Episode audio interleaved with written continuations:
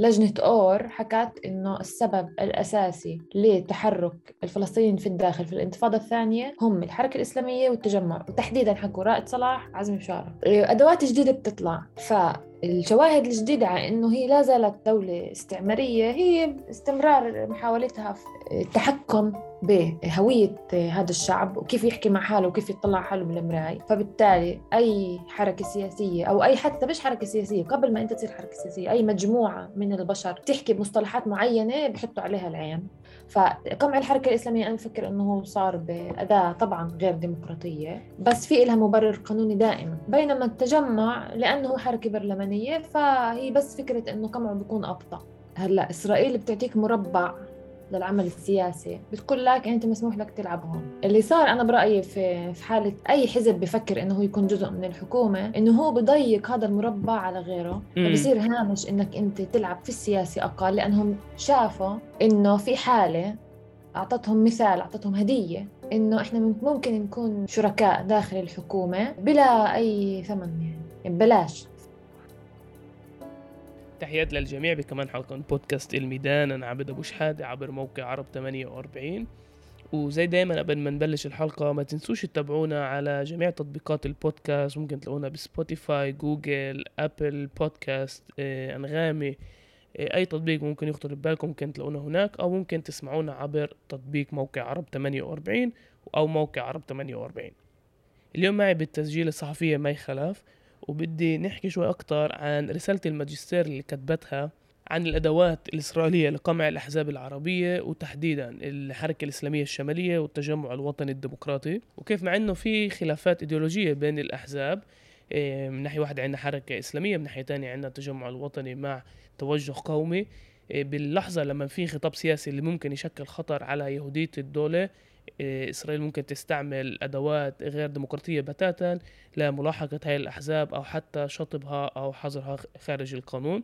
إيه، وعشان هيك معنا ماي تشرح لنا شوي أكتر عن رسالة الماجستير. وطبعا بتأمل بتأمل إنه كمان تطورها لرسالة دكتوراه. بس خلينا نبلش معاكي من الأول. ليش بهاي الرسالة قررتي تحديدا تكتبي عن التجمع الوطني الديمقراطي والحركة إيه، الإسلامية الشمالية؟ أولا شكرا على إنك قرأت الرسالة لأنه زي ما أنت حكيت لما بنعمل رسالة ماجستير بتصفي في مكتبة الجامعة و... وإذا أجى حدا بعدين بعد سنين مهتم في نفس ال... في نفس الموضوع ممكن يكتشفها ممكن ما يكتشفهاش. الرسالة كانت عن زي ما أنت حكيت عن قمع إسرائيل العمل السياسي في الداخل والمقارنة اللي اخترتها هي بين الحركة الإسلامية الشمالية الشق الشمالي وبين التجمع. آه، هلا زي ما انت بتعرف بالدراسات الأكاديمية انت آه، بتقدر تحدد عنوان عام اللي هو قمع دولة ديمقراطية للعمل السياسي داخلها. المثال كان إسرائيل. المقارنة اللي لازم أعملها لازم تكون آه، ضمن فترة زمنية محددة. يعني لازم يكون في نقطة تحول زمني اللي فيها حركتين عندهم إشي مشترك اللي عشان أقدر أقارن بينهم عشان المقارنة بينهم تكون آه، بحثيا آه، بسموها فاليد يعني يسمح لي بحثيا إني أقارن بين بين هدول الحركه اختيار الحركة الإسلامية والتجمع كان في له كثير أسباب وبصراحة أنا نفسي تفاجأت بالنتيجة آه، لما خلصت البحث. الحركتين اولا كان لازم أختار بين حركة برلمانية وحركة خارج البرلمان. لأنه الفرضية الأساسية بتقول إنه إسرائيل ما بهمها شو خلفيتي خلفيتك الأيديولوجية ما بهمها أنت بشو بتآمن بهمها خطابك بهمها حركتك على في الشارع. فالتجمع والحركة الإسلامية يعني تأسسوا الشمالية بالذات الانشقاق تبعها كانوا في نفس الفترة الزمنية اللي هي ما بعد أوسلو.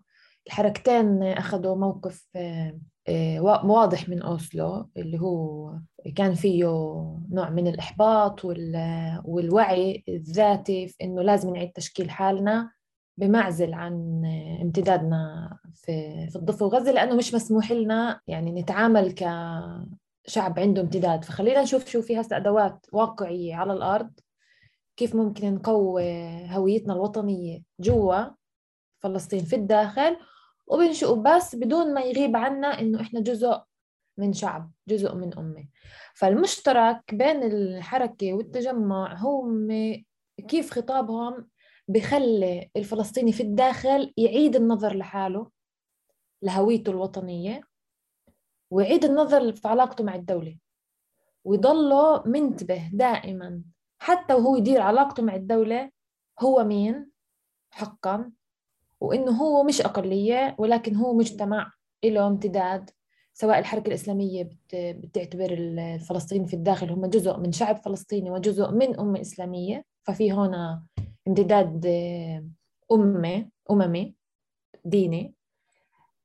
والتجمع كيف بيتعامل مع في خطابه يعني في مع الفلسطينيين في الداخل انهم هم جزء من شعب عربي من شعب فلسطيني اولا ومن شعب عربي. هذه النقطة اللي اتضح لاحقا إنه هي بالذات اللي بتخلي إسرائيل تلاحق هدول الحركتين بالتحديد بهذه الشراسة وبهذا الإصرار إنه تلاحق الحركة الإسلامية عقود لحد ما غدرت قانونيا إنها تلاقي لها المبررات الكافية عشان تحضرها والتجمع في في مسرحيات الشطب أنا بسميها يعني م. المتكررة كل الانتخابات بزهكوش إيه، إنهم يضلهم ورا التجمع عشان يستغل يعني يشوفوا بأي سنة بتصير البيئة السياسية والبيئة القانونية في إسرائيل مناسبة عشان هذا الحزب يطلع من الكنيست ويبطل مسموح له إنه يتحرك لا في الكنيست ولا برا الكنيست ف هذا هو السبب اللي هو الفترة الزمنية اللي طلعوا فيها الحركتين وخطابهم آه، خطابهم آه، يعني السياسي وحركتهم على الأرض. بغض النظر عن الحشد يعني قدرة الحشد عند الحركتين مختلفة. و... وترجمتهم لخطابهم على شكل مؤسسات كمان مختلفة مع إنه التجمع كان عنده محاولات لمأسسة أشياء يعني سواء شيء إعلامي اجتماعي مخيمات إلى آخره. إيه، بس هاي البذرة كانت كافية لإسرائيل إنها تنتبه إنه هون لازم نطلع منيح. على الحركة الإسلامية لازم نطلع منيح. لجنة أور حكت إنه السبب الأساسي لتحرك الفلسطينيين في الداخل في الانتفاضة الثانية هم الحركة الإسلامية والتجمع. وتحديدا حكوا رائد صلاح عزمي بشارة.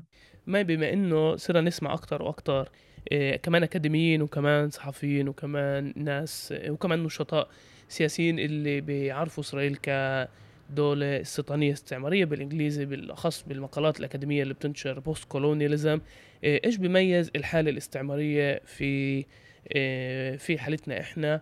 يعني أنت بالماجستير بتذكر الحالة الكلاسيكية اللي شفناها مثلا بالقارة الأفريقية كلاسيك كولونياليزم وفي طبعا الستلر كولونياليزم الاستيطان الاستعماري. بدي بس تشرحي لنا شوي أكثر عن إيش إيش بيميز هاي الحالة وكيف ممكن نفهمها مش من مناطق ال 67 اللي بنشوف هناك المستوطنين بنشوف الاحتلال إيه، بشكل واضح إيه، طبعا بغزل يعني الحصار مش لازم إيه، يعني نتعب زيادة عن اللزوم بنشوفه موجود إنه بخلوش ناس تطلع من من منطقة جغرافية معينة كيف ممكن نفهم الاستيطان الاستعماري من الداخل الفلسطيني وبرأيي هذا تحدي كمان عندك بالماجستير.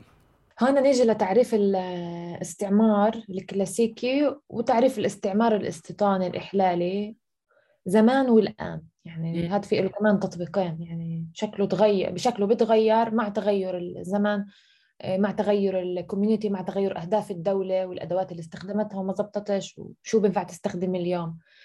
الاستعمار لما بنحكي استعمار كلاسيكي حتى لغة هو سيطرة دولة على دولة أخرى واستغلال خيراتها. بس علاقة هذا الاستعمار الكلاسيكي زي فرنسا بأفريقيا وفي المغرب وفي الجزائر إيطاليا في ليبيا هو علاقتها في الأرض مؤقتة علاقتها في الشعب مؤقتة وفيها نوع من المحاولات شو بسموها التسوية إنه إحنا بدنا بدنا نيجي عندكم بدنا ناخذ أغراضكم ونروح. عندنا دولة عندنا عندنا دولة أساس بدنا نرجع لها إحنا بدناش نقعد عندكم. بينما الإعمار الاستعمار الاستيطاني الإحلالي بالذات هو بده يحل محا... شعب محل شعب. علاقته في الأرض دائمة. علاقته بالشعب الأصلي هي علاقة محو. وعلاقته في مركزه الاستعماري بحالة فلسطين هي بريطانيا أو يعني الاستعمار الإنجليزي. هي علاقة مؤقتة. إنه إحنا علاقتنا في الاستعمار البريطاني مؤقتة قبل ما نعمل دولتنا. باي باي بريطانيا. عملنا دولة جديدة وراح نشتغل على هذا الشعب كيف نمحاه ف آه، تعال ناخذ العلاقة الأولى اللي هي علاقة المحو. آه، الدلائل اللي بتقول إنه إسرائيل لا زالت دولة استعمارية في ممارستها في الداخل بالذات هي كيف طورت أدوات مناسبة للعصر ومناسبة للصياغات القانونية اللي هي عملتها ولسه بتعملها عشان تضلها مستمرة تجاه هدفها في إنه تمحى هذا الشعب تمحى ثقافيا علاقته في الجذور علاقته في المحيط. قبل نهاية الحكم العسكري كان مسموح إنه إسرائيل تشتغل على المحو الفيزيكال الجسدي للفلسطينية عن طريق التهجير عن طريق ال ال العيش في جيتوهات وتحديد الحركة عن طريق السيطرة المباشرة والقاسية على مناهج التعليم وتعيين المعلمين والمدراء والمخاتير. اضطرت بعدين يتحول تتحول هاي علاقة السيطرة لعلاقة سيطرة اقتصادية آه، عن طريق الازدهار والميزانيات وإلى آخره. إنه بلكي هاي الطريقة إنهم ينسوا امتدادهم مع المحيط ما زبطتش على ما يبدو. وبعدين كل ما بتتطور كل ما بتطور العالم بصير في تكنولوجيا جديدة بصير في أمثلة جديدة ممكن يستفيدوا منها مع إننا بفكر إنهم هم بيعلموا العالم كيف ممكن الواحد يمحي شعب أصلي ويحاول يضل يحاول يمحيه ويفشل. أدوات جديدة بتطلع. فالشواهد الجديدة على إنه هي لا زالت دولة استعمارية هي استمرار محاولتها في التحكم ب هوية هذا الشعب وكيف يحكي مع حاله وكيف يطلع حاله من فبالتالي أي حركة سياسية أو أي حتى مش حركة سياسية قبل ما أنت تصير حركة سياسية أي مجموعة من البشر بتحكي بمصطلحات معينة بحطوا عليها العين. المناهج التعليم هي مع إنها هي صارت بالعربي ولكنها لا زالت إسرائيلية. الرقابة على الإنترنت وال social media كيف تحول زمان يعني البيان المنشور اللي كان زمان قبل فترة الحكم العسكري يحبسك هو نفسه المنشور تبع اليوم بس اليوم صار على الإنترنت. يعني زمان كانوا عمامنا واخوالنا بنحبسوا على وزعوا مناشير إذا إذا متذكر أو إذا كنت تسمع من قرايبك. اليوم هو نفسه هذا ال post تبع فيسبوك و tweet وصورة الصورة السوداء خلال حرب غزة ك profile picture إيه على إنه كمان الاستعمار إيه، يعني أداة سيطرة اقتصادية على الموظفين اللي بيشتغلوا في المجالس وبيشتغلوا في الجامعات كيف خلال فترة الحروب والتصعيد العسكري. كمان هم مهددين بفقدان وظائفهم ولقمة عيشهم بسبب رأي سياسي. هذا هاي توظيف جديد لأدوات الاستعمار. اللي مش بالضرورة تحبسك في السجن بس بتقدر تمنع عنك كل أشكال العيش. تكسكس أجنحتك يعني في كل في كل المجالات. ما أنا مجبور أسألك ليش باعتقادك الخطاب السياسي لهالدرجة بخوف دولة مع رابع خامس أقوى جيش في العالم مع قوة نووية وطيران؟ ليش لهالدرجة خطاب آه، اللي بتحدى أو خطاب اللي بشوفنا جزء من آه، شعب أو جزء من أمة لهالدرجة بخوف آه، إسرائيل؟ الكلمة هي كمان مش إشي بسيط الكلمة سلاح. ف... فلما إسرائيل بتشوف إنه في مجموعة من الناس ب... بتحكي بمصطلحات معينة هي بتكونش تطلع على هاي المصطلحات بتأثيرها الحالي. بتكون تطلع على هاي المصطلحات كيف ممكن تغير هوية الناس أو تحافظ على هوية الناس. فبالتالي تهدد مشروعها الاستيطاني مشروعها الاستعماري مشروعها و... و... وسعيها المستمر والمستميت لمحو هوية هذول الناس هذا الشعب ف... فبالذات ال... آه، الخطاب بصير يخوف لما يتحول لما يتحول لممارسة بس إسرائيل ما رح تستنى إنه الإشي يصير ممارسة مم. على أرض الواقع لأنه لما استنت زمان في لما طلعت الحركة الإسلامية وحكت ك مع الناس كفلسطينيين وكأمة إسلامية وكانت تجيب كانت تظبط علاقاتها مع المسلمين حول العالم في ماليزيا في تركيا إيه، في مصر في كل مكان. ولما التجمع كمان حكى بخطاب سواء خطاب جميع المواطنين أو دولة لكل مواطنيها أو خطاب قومي عربي وصار وتحول الإشي لزيارات لسوريا وتحول الإشي ل... لترشح لرئاسة الدولة ولطرح دولة جميع المواطنين ك... كحل رسمي و... وقانوني في البرلمان كمشروع بديل لدولة اليهود. هنا الخطاب تحول لأداة اللي هي ممكن فعليا تغير هوية دولة إسرائيل. ودولة إسرائيل من وقت ما قامت وفي تعريفها لنفسها اعتبرت إنه يهودية الدولة هي مكون أساسي في تعريفها وفي وجودها. ف أي خطاب ممكن يتحول لأداة قانونيا تخلي هذا المكون يروح من هوية الدولة هو فعليا تهديد وجودي. وهذا الإشي مش مخبى يعني اليوم ومن زمان هذا المكون اليهودي تبع الدولة هو أحد أسس التشريع. يعني هو مش بس كلام يعني مزين فيه تعريف الدولة إنه يهودية ديمقراطية لا. وعشان هيك هي مش ديمقراطية يهودية هي يهودية ديمقراطية لأنه اليهودية قبل الديمقراطية وهذا هذا هو أساس أساس تشريع. فأنت لما تيجي تحكي بمصطلحات ممكن تخفف أو حتى تغير آه، ترتيب تعريف تعريف إسرائيل فهو فعليا تغيير تغيير على أرض الواقع هو مش بس كلام نظري. إسرائيل بتكون شايفة ل 20 سنة لقدام الكلمة اللي أنت بتحكيها هلأ لشو ممكن تتحول. وفعليا لما شافت إنه الأشياء ممكن فعلا تتحول على أرض الواقع لحراك لحراك سياسي سواء كان آه، سواء كان مسلح أو مش مسلح أو حراك اقتصادي واستقلالية اقتصادية واستقلالية في المؤسسات. آه، فهون هي بتبلش آه، تنتبه إنه الحكي مش بس حكي وهي فمجبورة تحارب الحكي قبل ما يتحول لفعل. بتخيل كمان من تجربتهم الشخصية إنه كيف الحركة نز... الحركة الصهيونية بلشت من فكرة اللي كانت شيء جدا هامش ومحدش كان ماخذها بجدية بنهاية القرن التسعة عشر. ولكن الخطاب السياسي أثر على ناس وساهم ببناء مؤسسات وجاب لواقع معين إنه بالفعل صار في مؤسسة آه، موجودة وناس مآمنة فيها يعني. ف يعني خطابه مش بس خطاب هو كمان محرك لتغيرات سياسية.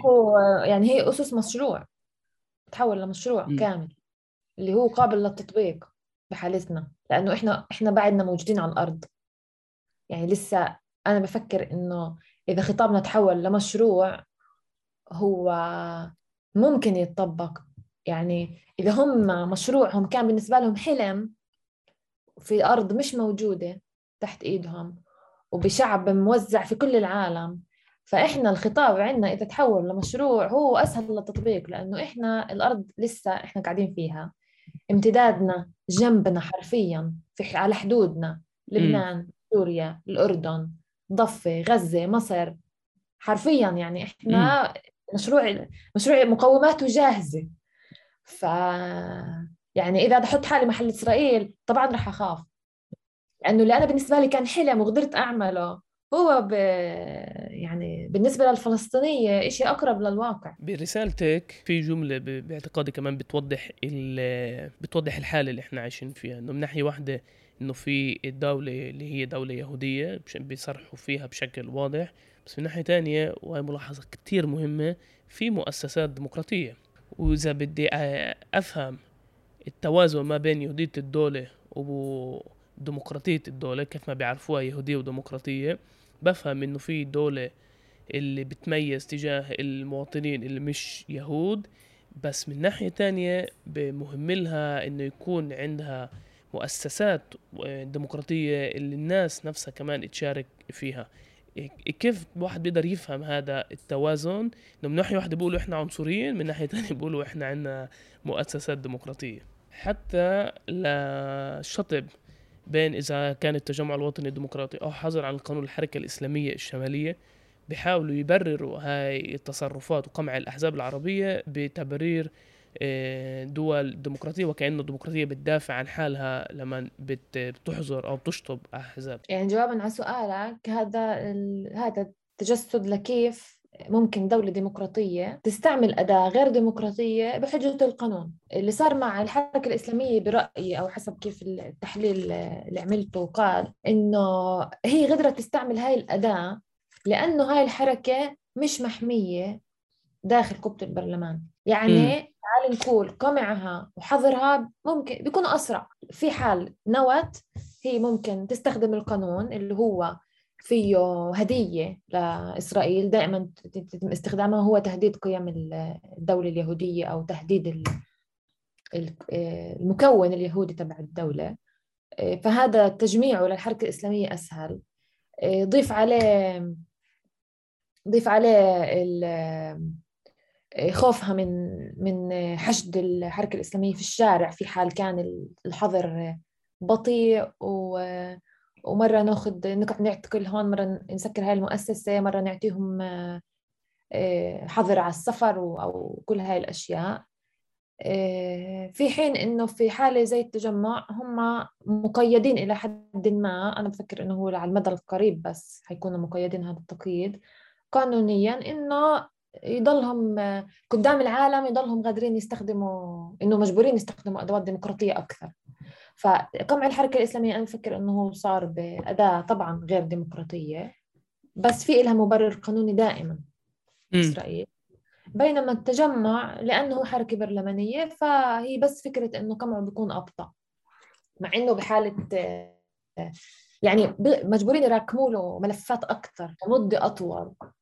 عشان يقدروا إنهم يطلعوه بشكل كامل عن القانون. ماي بما إنه كتبت الرسالة قبل ما الحركة الإسلامية الجنوبية تفوت على التحالف الحكومي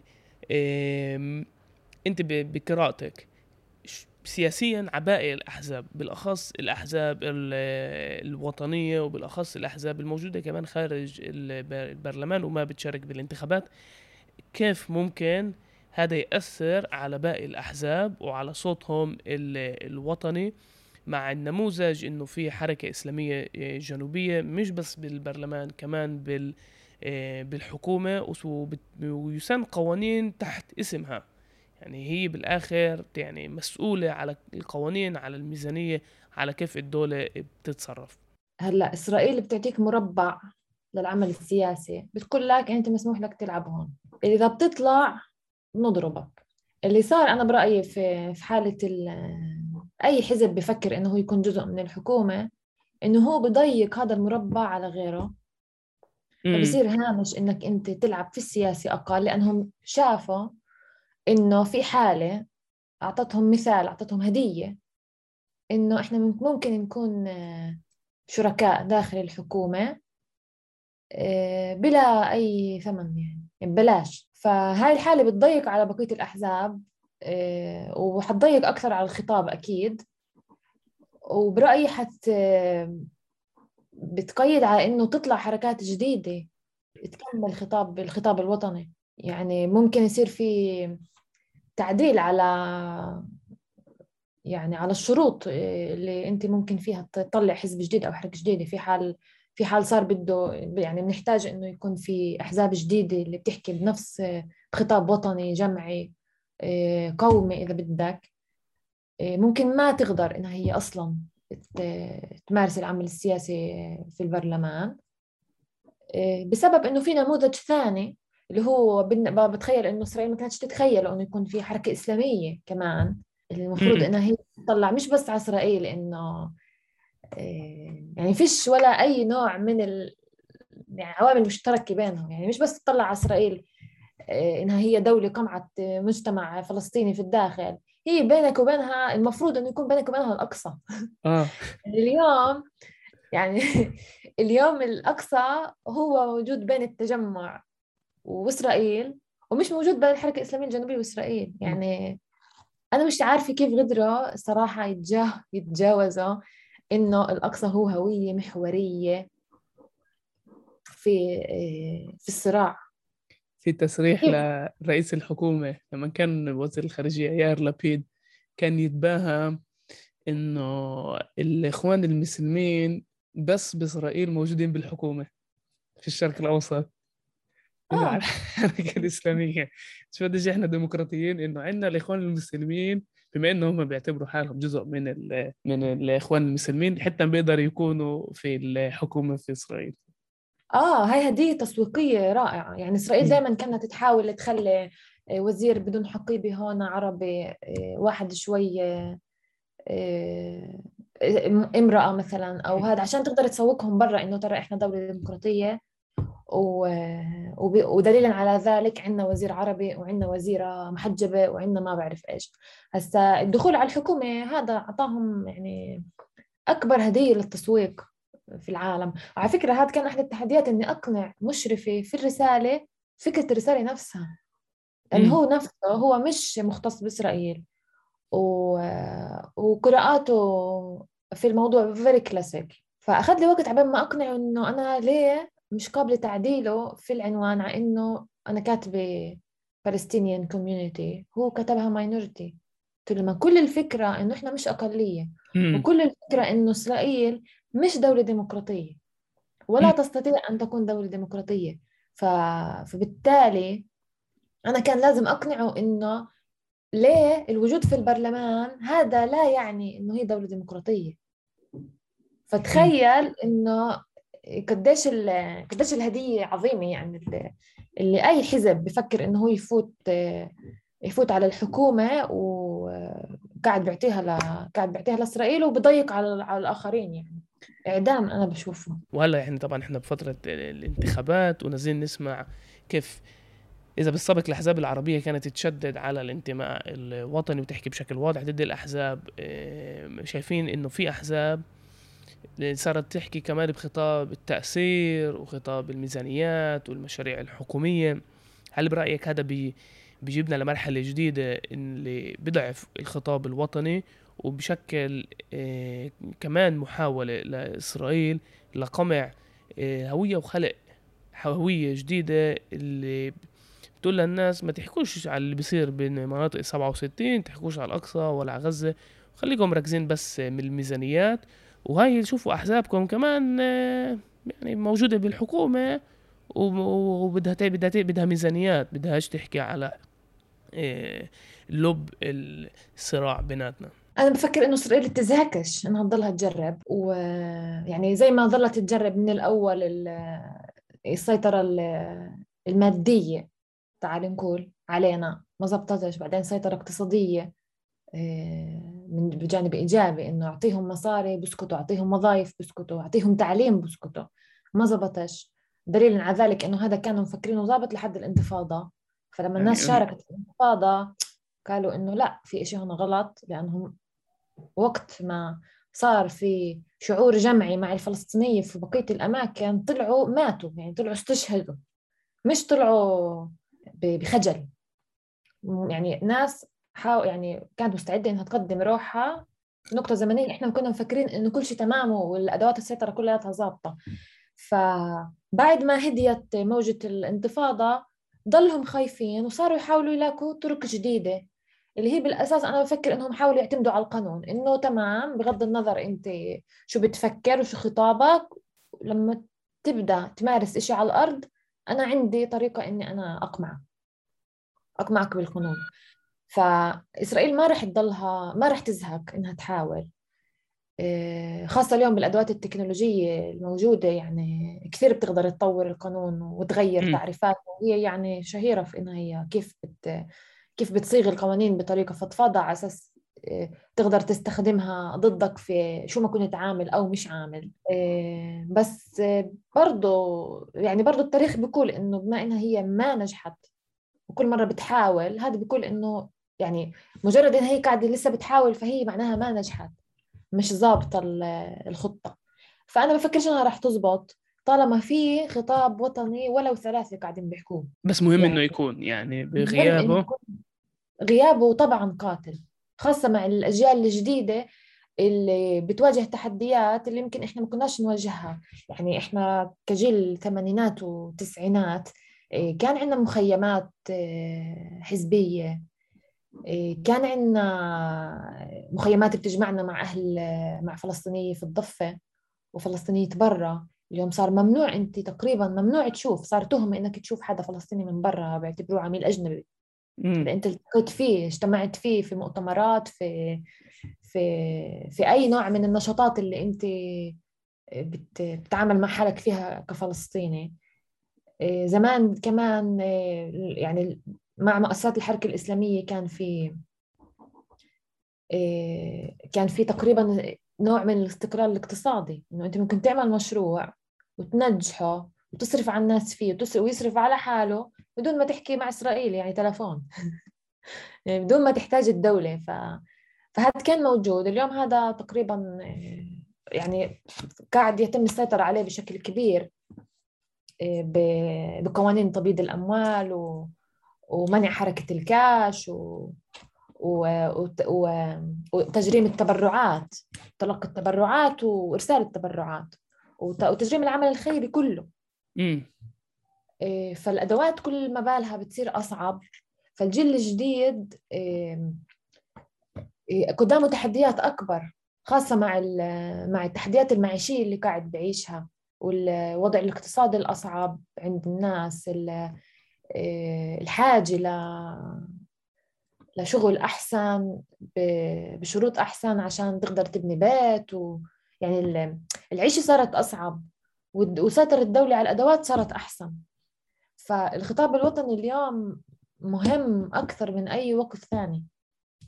مي برسالتك بتذكري فترة الحكم العسكري وكل الأدوات اللي كانوا يستخدموها ضدنا بهاي الفترة. إيه، بس اليوم إحنا بفترة جديدة. إيه، العالم الانفرادي صار جزء من حياتنا.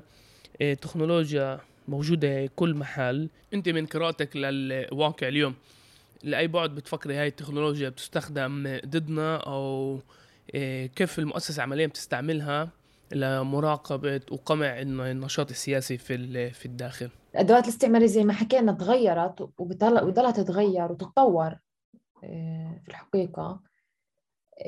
فاليوم تعالي نقول في عنا واقعين.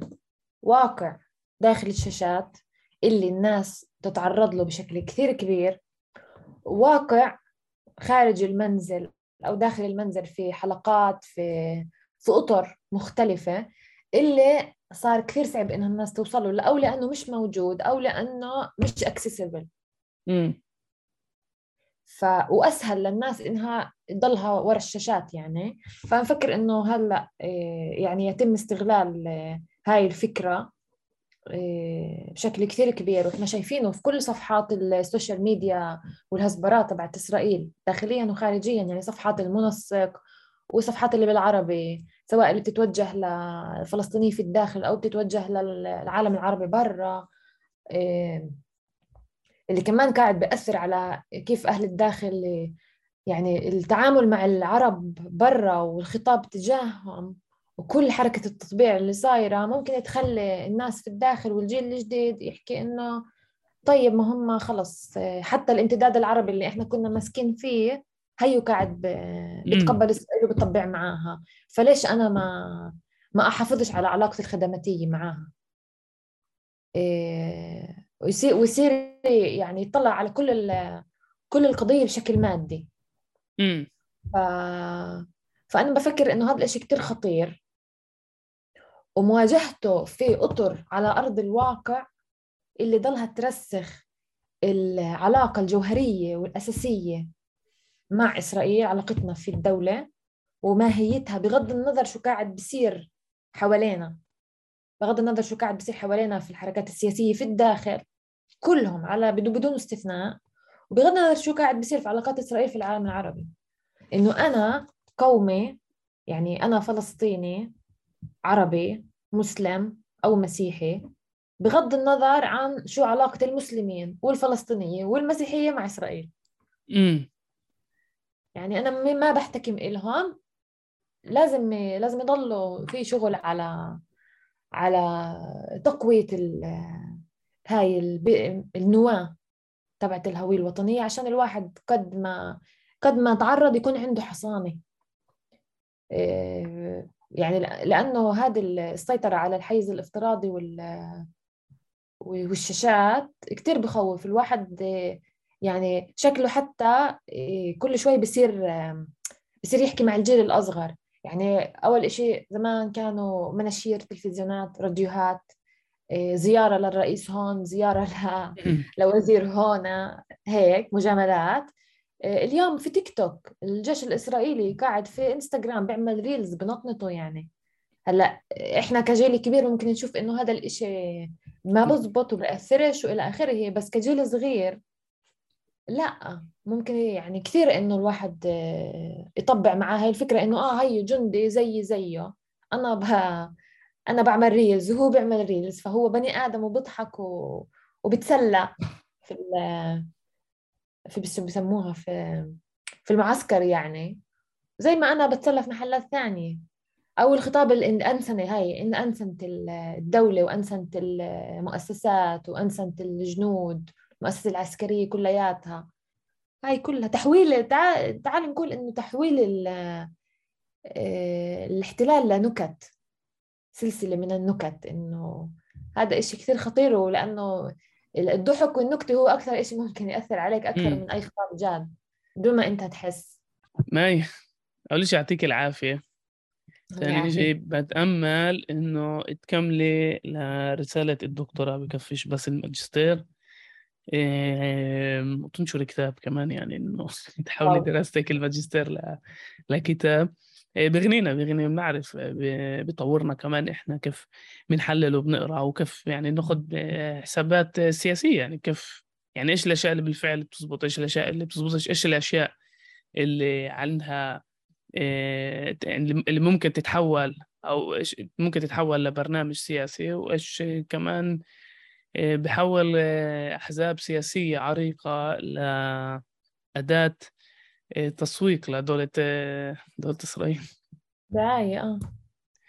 فعلا. شكرا عزيز يعطيك العافية. الله يعافيك شكرا عابد كثير على الحوار يعني رجعت رجعتني ل للأيام اللي كنت فيها بدور وب... وبقرأ وبتفاجئ آه. بتفاجئ إنه هاي الأشياء موجودة في الكتب آه، في الكتب الأم يعني و...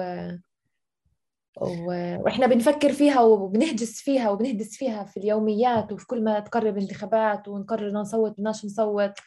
آه، بدنا قوائم مشتركة بدناش قائمه مشتركة. بدنا ندعم آه، حزب برا البرلمان ما بدنا ندعم. يعني ناخذ مواقف من أشياء معينة. وإحنا عندنا أشياء ممكن نرجع لها اللي تفهمنا إنه هاي الهواجس طبيعية وإنه هاي الهواجس إلها إلها مرجعية تقدر أنت تحط إجريك يعني بناء عليها. بفهم إنه هاي القلق اللي عندك مش قلق عابر يعني. ما يخلف. يعطيك العافية عزيزتي. إيه، جد شكرا كمان على وقتك وكمان على كل نشاطك بين إذا كصحفية أو بين إذا كان كأكاديمية. وبتمنى إنه تكملي نشاطك الأكاديمي وتكملي لرسالة الدكتوراه. شكرا كثير على الحوار. وعن جد يعطيك العافية شكرا. يعافيك يسعدك. وهي كانت كمان حلقة من بودكاست الميدان. ما تنسوش تتابعونا عبر جميع التطبيقات البودكاست أو ممكن تسمعونا عبر موقع عرب 48 أو تطبيق موقع عرب 48